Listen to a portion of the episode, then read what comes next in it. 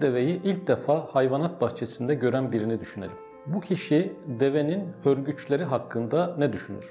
Çölde uzun yolculuklara susuz dayanabilsin diye deveye verilen bu hörgüçler, suyun zaten hep var olduğu hayvanat bahçesinde ne işe yarar ki? Bu kişi devenin uzun bacakları ve yuvarlak ayakları hakkında neler düşünür?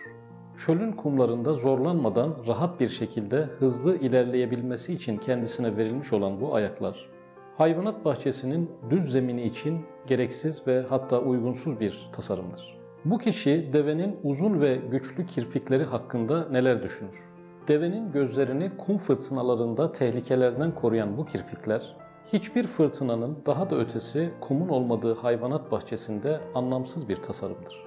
Devenin bu ve başka özelliklerine bakan böyle bir kişi, onun hayvanat bahçesi için değil, uçsuz bucaksız çöller için yaratıldığını anlayacaktır. İşte aynı şekilde insanın da ruhi özellikleri, iç ve dış, maddi ve manevi yapıları incelendiğinde, onun yalnız dünya hayatı için yaratılmış bir varlık olmadığını anlamak pek de güç olmayacaktır. Örnek olarak insanın en temel özelliklerinden biri olan aklı ele alalım. İnsanı da ahireti olmayan, yalnız dünya hayatı için yaratılmış bir varlık olarak farz edelim.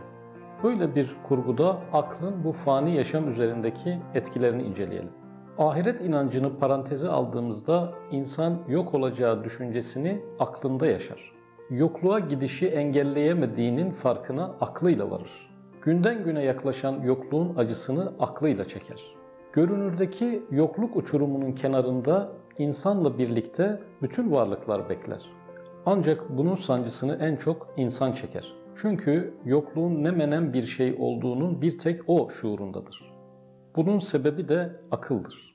Kendilerine verilen mertebe ve nimetlerin yokluk koridoruna doğru gitmekte olduğu karşısında bütün varlıklar çaresiz durumdadır.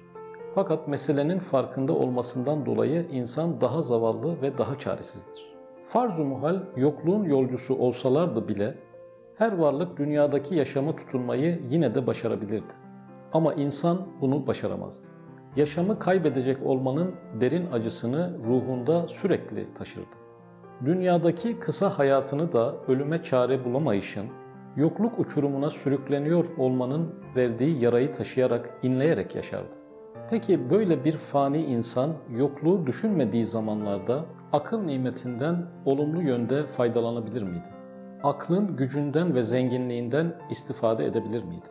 Kendini yokluk namzedi gören insan, yokluğu düşünmediği zamanlarda bile akıl nimetinden yeterince istifade edemez. İnsan akıl sebebiyle önceden çektiği acıları biriktirir ve arşivler. Çekilen acı bitse bile onun etkileri akıl sebebiyle devam eder. İnsan kendi acılarını da başkalarına ait acıları da akıl sahibi bir varlık olduğu için çeker. Gerçekleşmiş acıları, gerçekleşme ihtimali kuvvetli olan acıları, gerçekleşme ihtimali zayıf olan acıları ve hatta gerçekleşme ihtimali olmayan acıları bile aklı sebebiyle çeker. Böylesi bir varlığın bitki ve hayvanların hiç çekmediği türden acıları da yüklenerek devam ettiği bu dünyada akıl sebebiyle gerçek ve kalıcı bir mutluluğa eriştiğini söylemek imkansızdır. Böyle bir sistemde akıl, gelişmişliği, derinliği, kapasitesi nispetinde yaşamın acılarını arttıran, keşke bunca derinliği olmasaydı da daha az acıya vesile olsaydı dedirten, mazoşist bir sistemin uzantısı olurdu. Böyle bir kurguda insan aklı sebebiyle bir yeryüzü perişanı olur.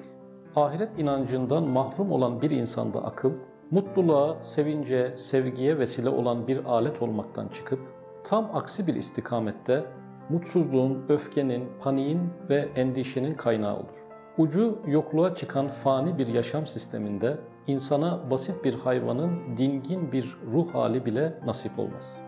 İnsan şayet fani bir varlık olarak kurgulanmış olsaydı, onun ruhu ve aklı hayvan dinginliği ve endişesizliği içerisinde çalışacak şekilde kurgulanmalıydı. Böylece bu zavallının elindeki tek sermaye olan dünya hayatı bari mutlu geçerdi. Oysa akıl mutlulukça onu en dipteki varlık haline getirmiştir.